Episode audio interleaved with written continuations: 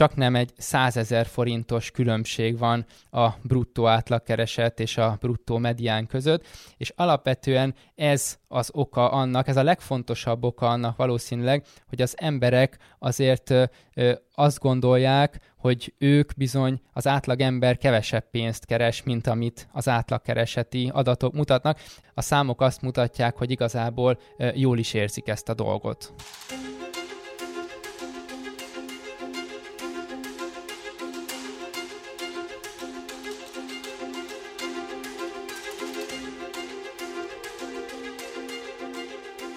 Jó napot, sziasztok! Ez itt a Portfolio szerdánként megjelenő heti podcastja. Én Orosz Márton vagyok, és itt vannak velem a stúdióban kollégáim a Makrorovattól. Madár István vezetőelemző, szia István! Sziasztok!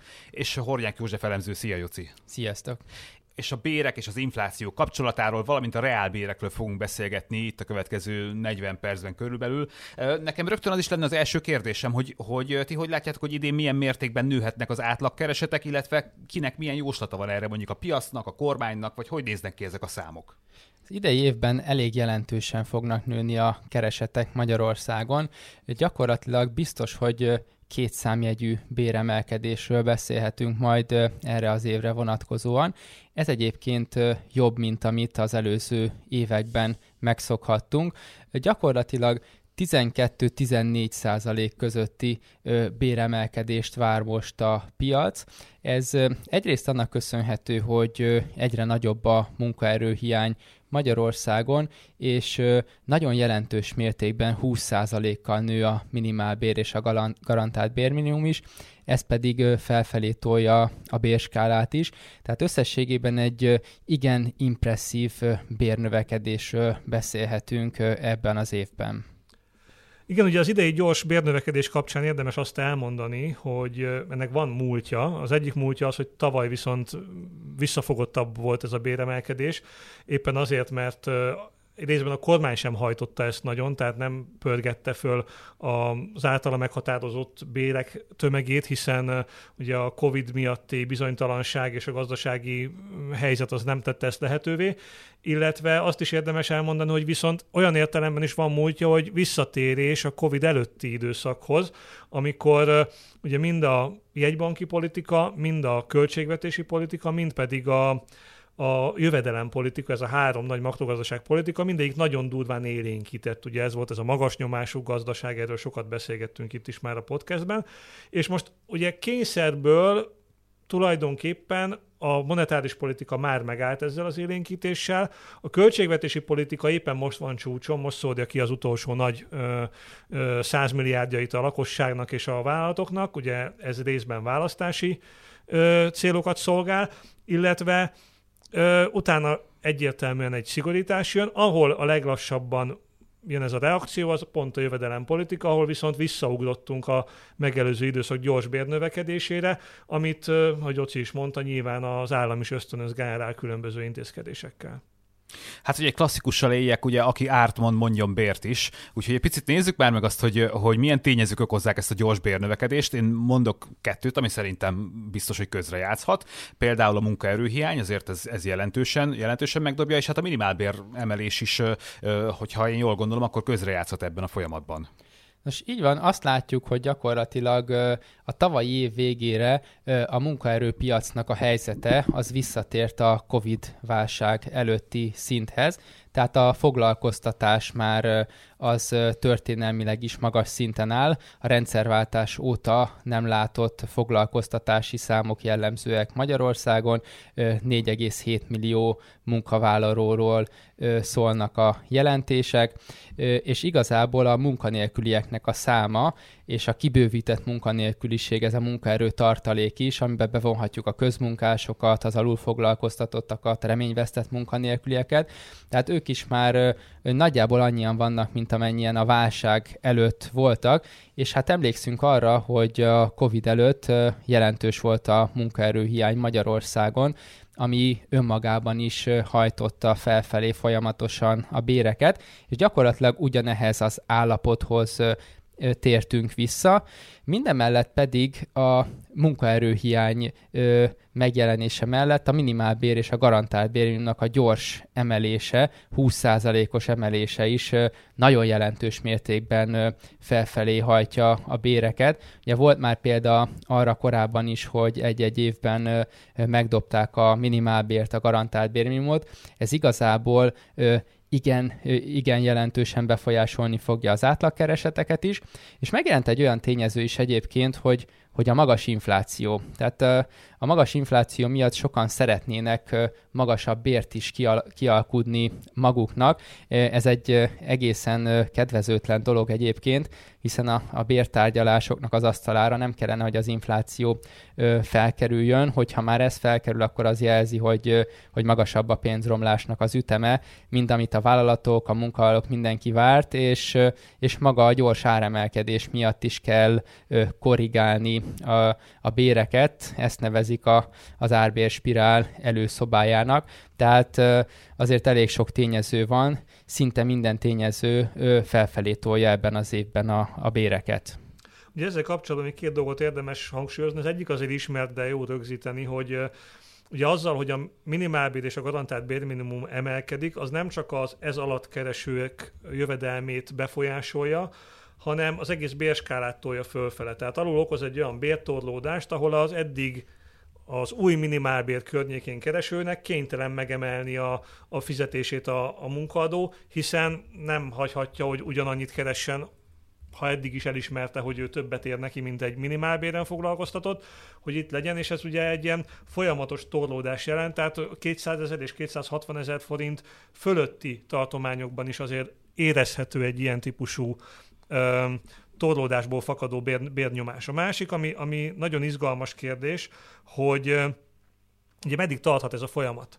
Mert egy részét valóban a kormányzat ösztönzi, erről majd talán lesz szó, hogy azért ez nem biztos, hogy már olyan sokáig fog tartani, de a munkaerő hiány, mint jelenség, az nem nagyon látszik, hogy mitől enyhülne.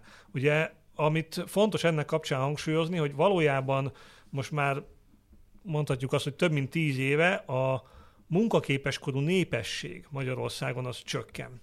Tehát egész egyszerűen, amikor arról beszélünk mindig, hogy nőtt a foglalkoztatás, akkor az annak ellenére nőtt, hogy valójában Magyarországon egyre kevesebb olyan ember van, aki a koránál fogva dolgozni tud. Ugye ennek az ellentmondásnak a megfejtése az, hogy nagyon sokáig sajnos a rendszerváltozás után nagyon rossz munkaerőpiaci politikát folytatott az egész magyar pártoktól független munkaerőpolitika, és ez a ez a rossz politika oda vezetett, hogy tartósan nagyon alacsony volt a, az aktivitás, tehát a munkaképes korú népességnek nagyon alacsony hányada dolgozott. Amikor nagyon sok munkaerőpiaci reformot elkezdtünk bevezetni, részben kényszerűségből, mert nagyon rossz volt a gazdaság helyzete, akkor tulajdonképpen annak ellenére tudott elkezdeni növekedni olyan 2000 7-8-tól, de aztán igazából ugye a pénzügyi válság után tudott meglódulni érdemben a foglalkoztatottság, hogy Közben pedig egyébként maga az a merítési háló, az, az a merítés az egyre kisebb körből kellett, hogy kikerüljön. És most, amikor azt látjuk, hogy, ahogy Gyoci is mondta, a munkaerő tartalék az gyakorlatilag ilyen historikus mélypontjára süllyedt, és nagyon nehéz elképzelni, hogy azok, akik itt vannak benne ebbe a körbe, azok közül még nagyon-nagyon sok tömegével lehetne bevonzani embereket, föl kell tenni a kérdést, hogy valójában tud-e mérséklődni Magyarországon ez a munkaerő hiány, Persze, akkor tud, amikor éppen a gazdaság visszaesik, de nem ezt szeretnénk látni nyilván. Ha viszont tartósan egy munkaerőhiányos állapot alakul ki, ez folyamatosan egy nagyon erős nyomást fog jelenteni a bérekre, amit viszont nyilván a vállalatok egy része nem biztos, hogy ilyen könnyedén fog tudni kezelni, úgyhogy ez egy elég izgalmas időszaka lesz a, a gazdaságnak. Ezt tulajdonképpen láttuk a válság előtti utolsó négy öt évben, inkább az utolsó háromban volt nagyon karakteres.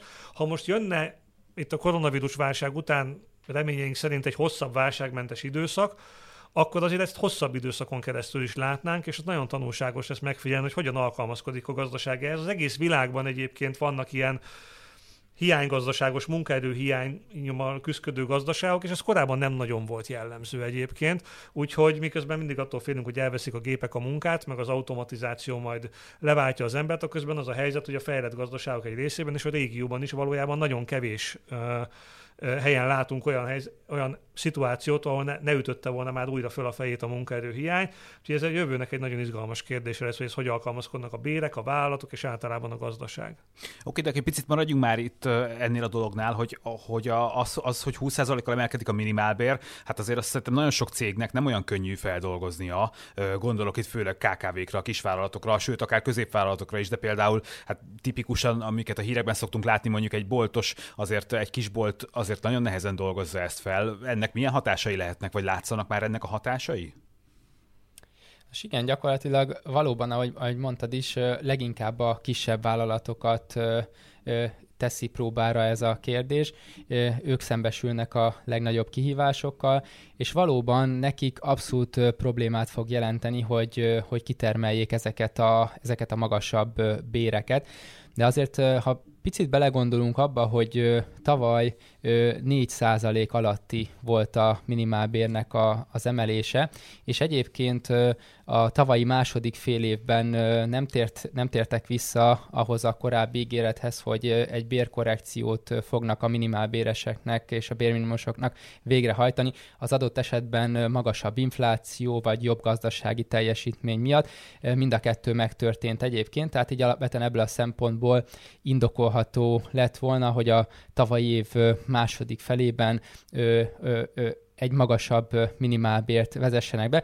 Ugye ez alapvetően elmaradt, és ezért egy jóval magasabb idei minimálbéremelés következett be.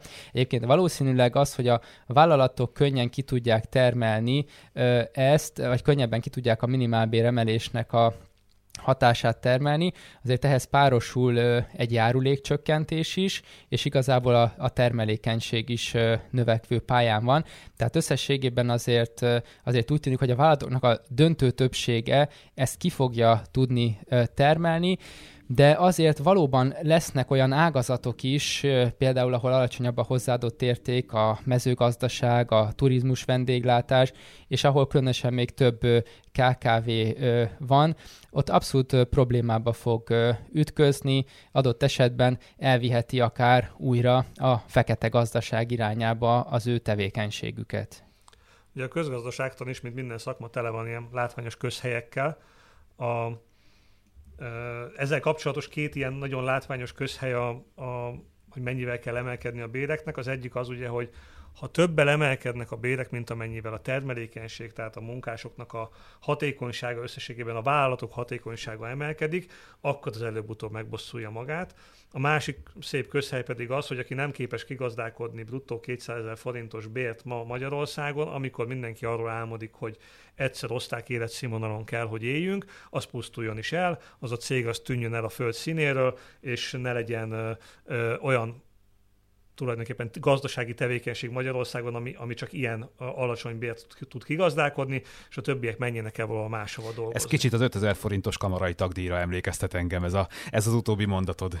Igen, igen, tehát hogy, hogy kicsit panaszkultúrában élünk nyilván, meg szeretünk bizonyos dolgokat szimbolikusan gondolni, miközben azért nyilván a, a reál, reál gazdaságban nem a szimbólumok számítanak, hanem a, hanem a kőkemény profit és bérhányad és, és termelékenység. És nyilván az a két szélsőséges állítás közül és azt sugalja ez a két szélsőséges állítás, hogy ezek közül valószínűleg egyik sem önmagában igaz, hanem valahol ezeknek, a, ezeknek az arany középútját kellene megtalálni. Tehát, hogy mi az a bérnövekedési tempó, ami még nem sérti végletesen és durván a termelékenységet, esetleg Tudunk-e gyors bérnövekedéssel termelékenység növekedést kikényszeríteni a gazdaságból, mondván, hogy a vállalatok jobban nyomás alatt vannak ezáltal. Ezzel kapcsolatban rendkívül szélsőséges egyébként a közgazdaságtan megítélése is. És a másik oldalon pedig persze ott van, hogy azért nyilván nem kellene több százezer kisvállalkozásnak sem egyből tönkre mennie egy gyors bérnövekedés mellett, mert hát az további szociális feszültségeket okozhat egy gazdaságban. Úgyhogy ez nem egy egyszerű kérdés. Általában azért ismerünk olyan országokat, amelyek túl tudták, ki tudták magukat árazni tulajdonképpen a világ versenyképességi piacáról, vagy a versenyképességgel a világpiactól, azért, mert, mert túl, túlzottan nagy ütemű volt a béremelkedés, például Görögország tipikusan ilyen volt, vagy az olaszoknál is bizonyos periódusokban, meg tudunk olyan országokról is, amelyeknél meg vannak olyan szakírók, akik azt gondolják, hogy azért is volt ilyen sikeres a, a legalábbis részben a, a, a felzárkózás, vagy a, az érdetörés, mondjuk skandináv országban, mert hogy a gyors bérnövekedés kiké, rákényszerítette a vállalkozásokat a gyors alkalmazkodásra. Lehet, hogy Magyarországon is hamarosan megnézzük, hogy ez hova vezet, de az biztos, hogy azért azt már látjuk, hogy a gyors bérnövekedésnek azok a tipikus tünetei, hogy mondjuk ugye elkezd például a, a a külső egyensúlyunk romlani, a magasabb kereslet vagy a magasabb költségszint miatt az infláció mocorogni, azért azt már látjuk, tehát azért ezek izgalmas kérdések, amik nem holnap vagy holnap után fognak eldőlni, de biztos, hogy ezeket végig kell gondolni akkor, amikor azon gondolkodunk, hogy milyen jövedelem kilátások várnak mondjuk a magyar munkavállalóra a következő tíz évben. És egyébként az látszik, hogy, hogy, hogy mikor sikerül majd felzárkóznunk a bérekben a, nyugat, a nyugati országokhoz, vagy mondjuk regionális szinten hogy állunk most ebből a szempontból, itt akár a minimálbéremelése után? De most igen, sokszor szeretünk arról beszélni, hogy milyen gyors béremelkedés zajlott le itt Magyarországon azért az elmúlt években, ami egyébként valóban az adatok alá támasztják, hogy a, a korábbi időszakokhoz képest valóban gyors volt a béremelkedés. De hogyha megnézzük uh, Európai Uniós, vagy inkább régiós összevetésben, régiós kitekintésben, akkor a többi uh, közép-keletei európai ország sem akart lemaradni a bérekkel, és uh, náluk is hasonlóan gyors béremelkedés zajlott le. És egyébként még ezzel együtt is ha európai kontextusba helyezzük a kérdést, akkor továbbra is olcsónak számít a közép-kelet-európai munkaerő. Ugye ez a másik oldalról pedig azért azt is jelenti, hogy olyan nagyon nagy bérfelzárkózás nem valósult meg az elmúlt 5-8-10 évben. Tehát alapvetően továbbra is azért az a helyzet, hogy ide inkább az olcsó bérért, az olcsó munkaerőért jönnek a külföldi vállalatok, és ezen a helyzeten a régiós országok közül egyelőre nem igazán sikerült változtatni. Ja, mondtad, hogy gyorsan nőttek a magyar bérek, és hogy mennyire jellemző, hogy azért bár a közgazdaságtan az a társadalomtudomány, amelyik szinte egyedülálló módon próbál mérni és, és fölmérni, hogy mi történik a gazdaságban, és ugye kényelmes, hogy van pénzünk, amivel nagyon sok mindent meg lehet mérni, de ugyanakkor nagyon jó példa pont a, a bér statisztika helyzete, hogy mennyire homályos ez a dolog. Ugye, ha azt nézzük, hogy mondjuk az elmúlt néhány, elmúlt tíz évben milyen gyorsan növekedtek a bérek, akkor azt lehet mondani, hogy megnézzük a KSH intézményi, mm, tehát vállalati körből fölmért jelentéseit, meg megnézzük a NAV adatait, és azt mondjuk, hogy hát azért 10 év alatt egy olyan 60%-os bérnövekedés zajlott le a magyar gazdaságban, nem is rossz. Amikor viszont egészen más kontextusban az úgynevezett nemzeti számlák rendszerén keresztül próbáljuk megmérni, hogy mennyivel is nőttek a, a bérek, akkor meg 20% jön ki. És ez valójában egy egészen friss, illetve újraélet vita, hogy ennek mi lehet az oka, és vannak olyan vélemények, amik szerint egyébként, és részben egyébként a KSH a dilemmára adott válasza is ezt erősíti meg, amit a portfóliónak elküldtek, hogy valójában ennek egy része egész egyszerűen azért van, mert ezek a jövedelmeknek a jelentős része létezett, csak szürke volt.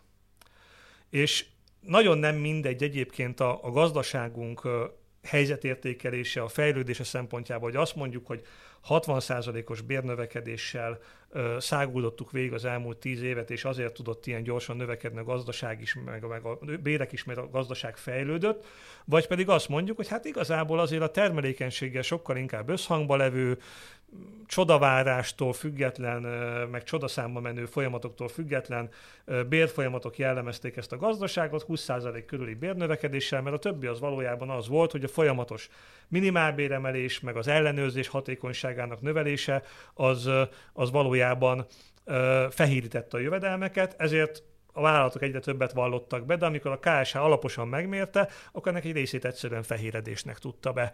És ugye érdekes módon ez az adat, ez kevésbé is publikus, mint a nagy, nagy havonta megjelenő gyors bérnövekedést sugaló adatok.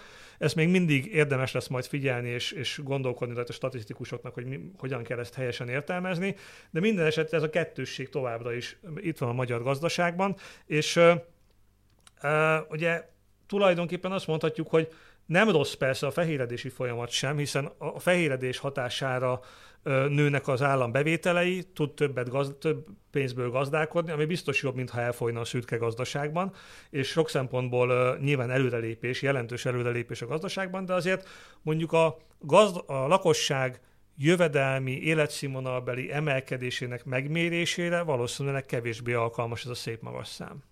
Jó, de lehet akkor, hogy ez az oka annak, hogy, hogy nagyon sokan nem érzékelik a bérük növekedését, vagy sokan nem érzik azt, hogy az ő bérük az elérni a, az átlagot? Igen, egyrészt azért biztos, hogy nagyon sokaknak fehéredett a jövedelme az elmúlt években, és ők valóban nem érzik azt, hogy többet keresnek, hiszen a, a jövedelem növekedés egy része az a fehéredésből fakad, de másrészt viszont az is fontos, hogy amikor ezeket a havonta megjelenő adatokat az emberek megnézik, hogy mennyi a bruttó átlagkereset, akkor igazából ugye azt láthatják, hogy tavalyi év csak nem egészében 420 ezer forint volt a, a bruttó átlagkereset, csak hogy egyébként a bruttó átlagot azt nem az átlagember keresi meg alapvetően, és a KSH-nak van egy újabb idősora is, ami csak nem régiben kezdett el közölni, ez pedig a mediánbér. A mediánbér viszont sokkal jobban mutatja az, azt, hogy az átlagember mennyi pénzt keres igazából. Egész egyszerűen a mediánbér azt mutatja, hogy ha a legalacsonyabb jövedelemtől a legmagasabb keresetig sorba rendezzük, mennyi pénzt keres a középen álló ember. Hát ez most egyébként 330 ezer forint volt, tehát csak nem egy 100 ezer forintos különbség van a bruttó átlagkereset és a bruttó medián között, és alapvetően ez az oka annak, ez a legfontosabb oka annak valószínűleg, hogy az emberek azért azt gondolják, hogy ők bizony az átlag ember kevesebb pénzt keres, mint amit az átlagkereseti adatok mutatnak, és igazából ö, a számok azt mutatják, hogy igazából ö, jól is érzik ezt a dolgot. Igen, azt, hogy érdemes elmondani, hogy ez egyébként nem magyar sajátosság. Tehát az, hogy Ugye vannak olyan emberek, akik nagyon-nagyon sokat keresnek, most az egyszerűség kérdés mondjuk az, hogy végtelen sokat, de mínuszban meg nem tudnak keresni az emberek, ezért ez teljesen természetes, hogy egy ilyen jövedelem elosztási görben mindig olyan, hogy nullánál nincsen szinte senki, de aztán nagyon gyorsan emelkedik, majd aztán ugye valamikor ö, előjönnek a jövedelem skála végén azok, akik havonta több millió forintot keresnek. És ugye az, a havi több millió forintos kereset az az átlagot nagyon látványosan megnöveli, de ha csak őt is egy embernek számítunk, aki a jövedelemskála egy eleme, akkor a középső eleme ennek a jövedelemskálának törvényszerűen lejjebb lesz. És ez a balra ferde eloszlási jelenség, ez mindenhol érvényes a világban. Magyarország egyébként nem számít nagyon-nagyon durván nagy jövedelem különbségű országnak, bár ha tegyük hozzá, hogy egyébként jelenleg az adórendszer nem nagyon segíti azt, hogy ezek a jövedelem különbségek csökkenjenek, és most azért valóban az utóbbi években inkább nőttek, de például amit ezek a jövedelem különbségeket ki lehet mutatni a társadalomba, ott Magyarországon ugye az a tapasztalat, vagy az a jellemző, hogy az adórendszer az nagyon nem segíti, tehát az, az ösztönzi tulajdonképpen a, a jövedelem különbségek növekedését. A másik oldalon viszont azzal, amit már beszéltünk, hogy nagyon sok ember kezdett el dolgozni, egyre többen léptek be a munkaerőpiacra, ez viszont nagyon látványosan csökkentette a, a, a a jövedelem különbségeket a társadalom egészében, és ez a kettő hatás, ez sokáig ki is oltotta egymást, és tulajdonképpen olyan szempontból örömteli is természetesen a folyamat, hogy a legszegényebb az, aki nem is jut munkához, és ezért nem jut jövedelemhez. De azért azt látni kell, hogy a, az áfa rendszerünk, meg a személyi jövedelemadó rendszerünk az jelenleg nem olyan, hogy, hajlan, hogy képes lenne mérsékelni azokat a jövedelem különbségeket, amik egyébként kialakulnak a gazdaságban. Hogyha szektorális szempontból nézzük a magyar munkaerőpiacot, akkor, akkor mi a helyzet? Mennyire láttok olyan konkrét szektorokat, ahol nagy a baj, például a minimálbéremelése miatt, vagy például a munkaerőhiány miatt, és akár megnevezhetünk-e olyan szektorokat, amik meg mondjuk kimondottan jól állnak? Alapvetően, hogyha a piaci ö, szektorokat nézzük, akkor az IT szektorban kifejezetten jelentős a munkaerőhiány, és itt már a válság előtt is látható volt, hogy megjelentek azért eléggé magas bérigények, tehát ott már 10-20 százalékos éves béremelkedési ütem a COVID előtt sem volt ritka, és egyébként ugye, mivel ezt a szektort nem is viselte meg alapvetően a COVID válság, ezért itt folyamatosan fennmaradt a munkaerőhiány, és még nagyobb is lett. Amit most látunk, hogy a turizmusban igencsak jelentős munkaerőhiány alakult ki, hiszen nagyon sok embert a válságban, a Covid időszaka alatt leépítettek, és ez a bizalom nem is igazán tért vissza a korábban ott dolgozók részéről. Tehát egész egyszerűen tartanak attól, hogy, hogy azért itt még lehetnek problémák, itt nem állt minden helyre, amit egyébként mutatnak a turisztikai adatok is, amelyek a, a válság előttihez képest továbbra is gyengék, sokkal kevesebb szálloda és panzió van nyitva még most is, mint amennyi a válság előtt volt. Tehát azért egy tartós kínálati problémának tűnik itt az egész helyzet, és ennek ellenére jelent meg a munkaerőhiány, tehát ez is mutatja, hogy azért milyen sokan nem is az, hogy csalódtak a szektorban, hanem el tudtak helyezkedni más szektorokban, biztos állásokat szereztek maguknak, és ezt nem igazán hajlandóak, hajlamosak felhagyni az emberek a azt az új állásukat, ahova már beilleszkedtek, akár előrelépési lehetőség is, is van számukra, és éppen emiatt a, a probléma miatt a turizmust most az az ágazat, ahol, ahol hatalmas áremelkedés figyel, figyelhető meg, tehát a, a vendégek most már a, a szálláshelyeken, az éttermekben biztos, hogy 10-20 százalék feletti áremelkedést kell, hogy elszenvedjenek, hiszen ezt a szektort nagyon erősen megütötte a COVID, be kellett zárniuk is egy átmeneti időre a szálláshelyeknek, az éttermeknek, és most például még az energiaárobbanás is sújtja őket, és más egyéb, egyéb alapanyagdrágulás is, munkaerőt is egyre nehezebben találnak, ha találnak, akkor azt is sokkal drágábban, és igazából ezt valakinek meg kell fizetni ezt az árat, ezt pedig a vendégek fogják megfizetni minden bizonyal. Igen, ugye úgy kérdezted, hogy, hogy bérszempontból bajban vannak-e ágazatok, és ez rá is világít arra, hogy egyébként mennyire óriási különbségek vannak Magyarországon egyes szektorok között. Nem bérszínvonalban, nyilván abban is, hanem abban, hogy hogyan állnak. Tehát ugye, Jóci említett két munkaerőhiányos területet, a turizmust meg a, az IT-t. Ugye a turizmus az szenved, gyakorlatilag bármit, amit csinál, az a kínálati korlátjai miatt áremelkedésben kell, hogy testet öltsön. Ehhez képest az IT-szektor meg szintén óriási munkaerőhiánytól szenved, mert egyszerűen nem tudunk elég embert arra találni, hogy hogy, hogy, hogy fejlesztenek, hogy a vállalati termelékenységet növeljék, de ez bármi pénzt megér szinte a, a, a cégeknek, és az ottani ott keresők egyébként finoman szóval se panaszkodhatnak a nemzetgazdasági átlagbérhez képest sem. Tehát, hogy, hogy nagyon különbözik a dolog, mert a gazdaságban tulajdonképpen van két folyamat, ha így tetszik. Az egyik egy lassú változás, ami, ami, ami a szerkezetváltáshoz kötődik, az IT-szektor felértékelődése, a kommunikációs szektor teljes felértékelődése, a másik oldalon pedig van ugye egy, egy olyan történet, ami a kereslet és a kínálati oldalt is ilyen sokszerűen és nagyon heterogén módon érintett, ez a koronavírus válság.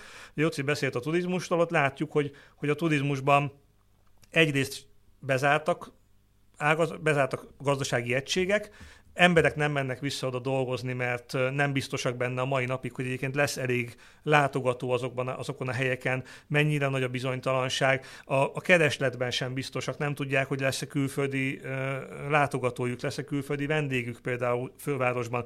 Tehát emiatt a bizonytalanság miatt, amiatt, hogy nem látjuk, hogy a preferenciák, meg a Covid adta körülmények azok milyen uh, keresleti kínálati viszonyokat teremtenek, emiatt különböző ágazatok teljesen szélsőséges módon ö, ö, ö, viselkednek, és teljesen szélsőséges helyzetben vannak a bérhelyzet miatt.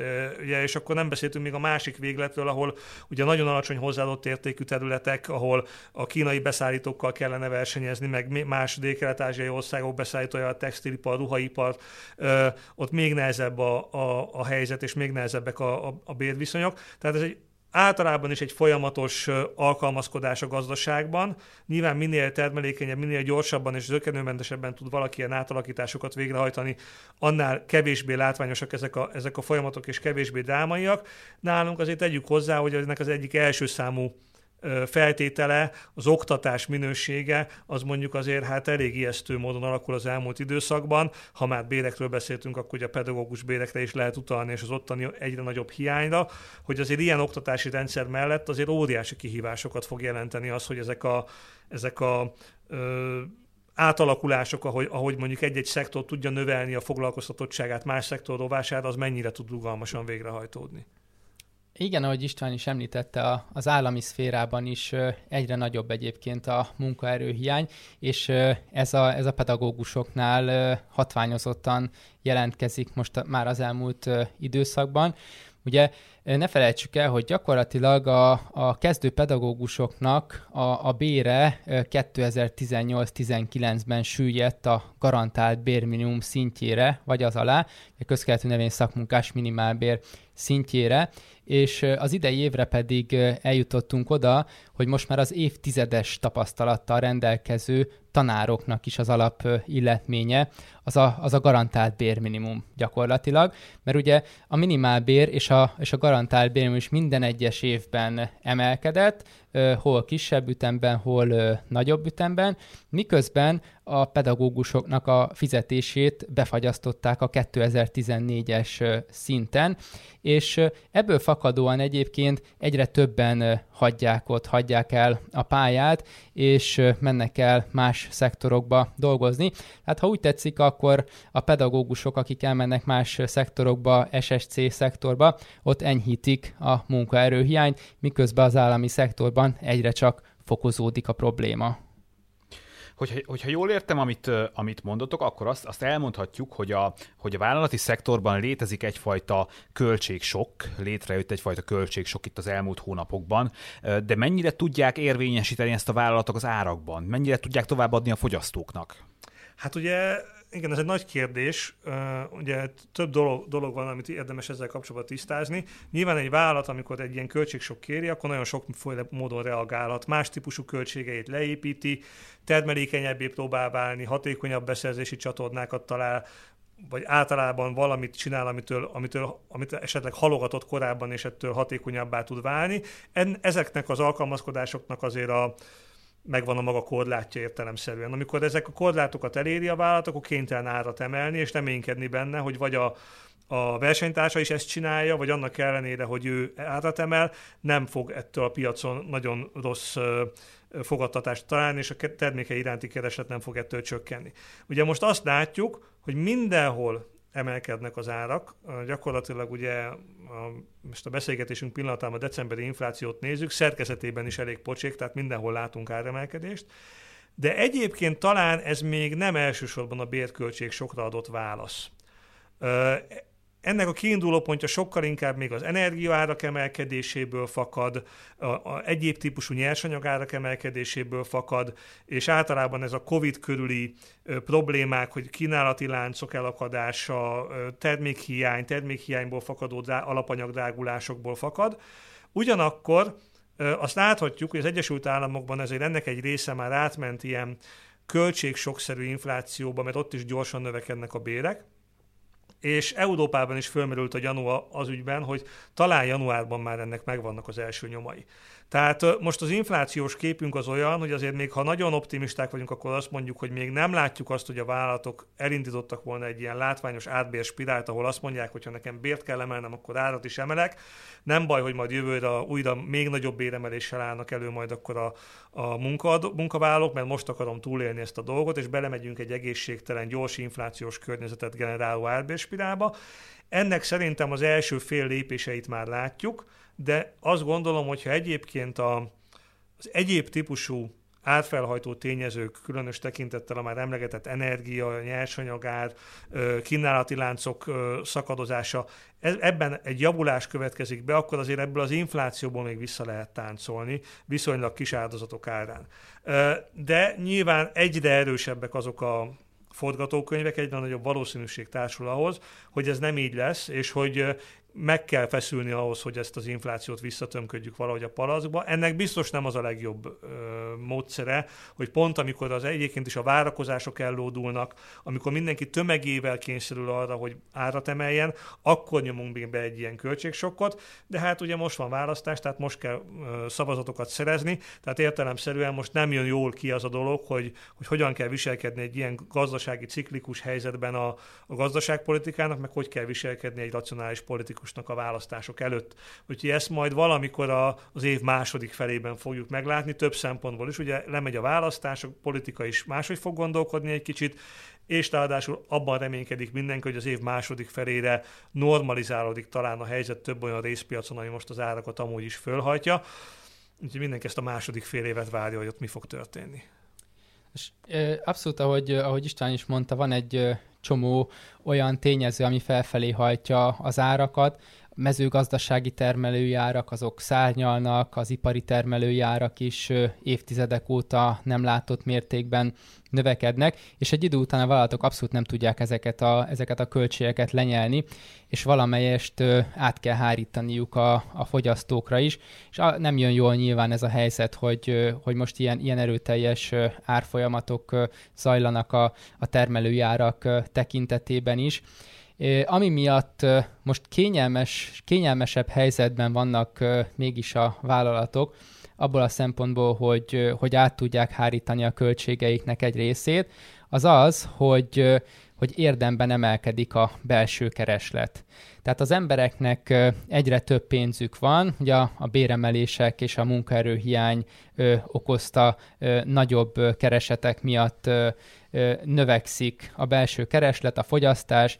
Gyakorlatilag minden tekintetben azt látjuk, hogy az emberek el szeretnék költeni a jövedelmüknek egy egyre nagyobb részét, és egyébként a, a Covid okozta két év, amikor azért elég komoly szűk, szűkölködés, kényszerű szűkölködés közepette éltek az emberek, nem tudtak úgy nyaralni menni, nem tudtak úgy fogyasztani, vásárolni, hogy szerettek volna. Azért ezt igyekeznek bepótolni, és, és azokat az elhalasztott fogyasztásokat is megtenni illetve hát ne felejtsük el, hogy, hogy a 13. havi nyugdíj is ezekben a napokban érkezik, valamint az SZIA visszatérítés ugye a, a gyermekes háztartásoknak. Ezek mind olyan tényezők, amik, amik jelentősen megnövelik a, az embereknek a, a rendelkezésre álló jövedelmét, és egy ilyen gazdasági helyzetben a vállalatok sokkal könnyebben tudják érvényesíteni ezeket a költségeket az árakban.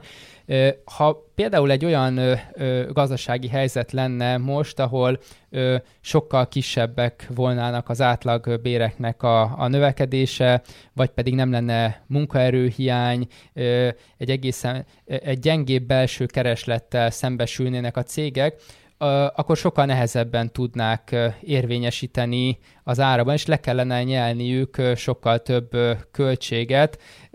Most viszont azért nehéz olyan szektort találni, nehéz olyan részpiacot találni, ahol, ahol a cégeknek kellene majd elviselni a, a, a költségemelkedéseket.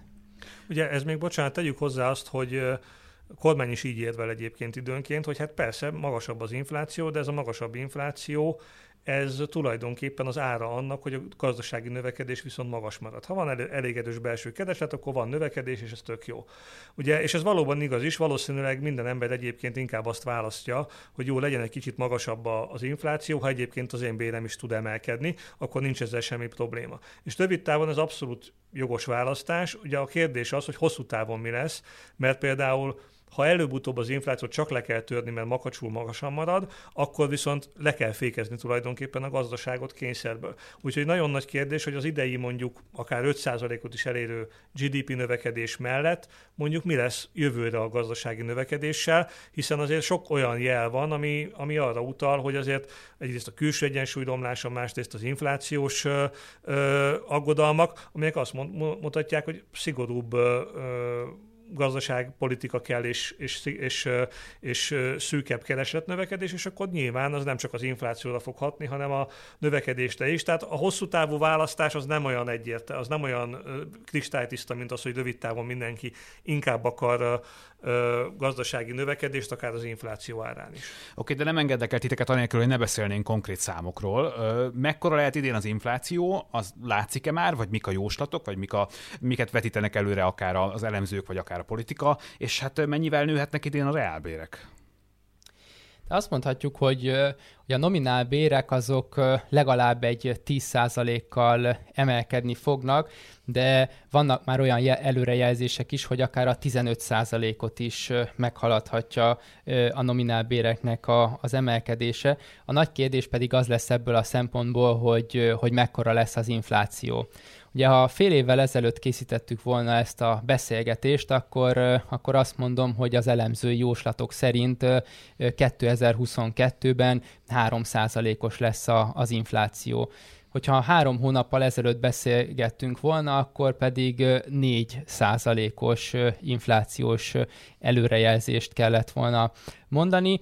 A tavalyi évnek a legvégén, az idei év elején pedig már 5 százalékos áremelkedésről kellett beszélni. Tehát azt mondhatjuk, hogy folyamatosan nőttek az idei évre vonatkozó inflációs előrejelzések, amelyek most már egyébként 5,5-5,7 százalékot is elérik.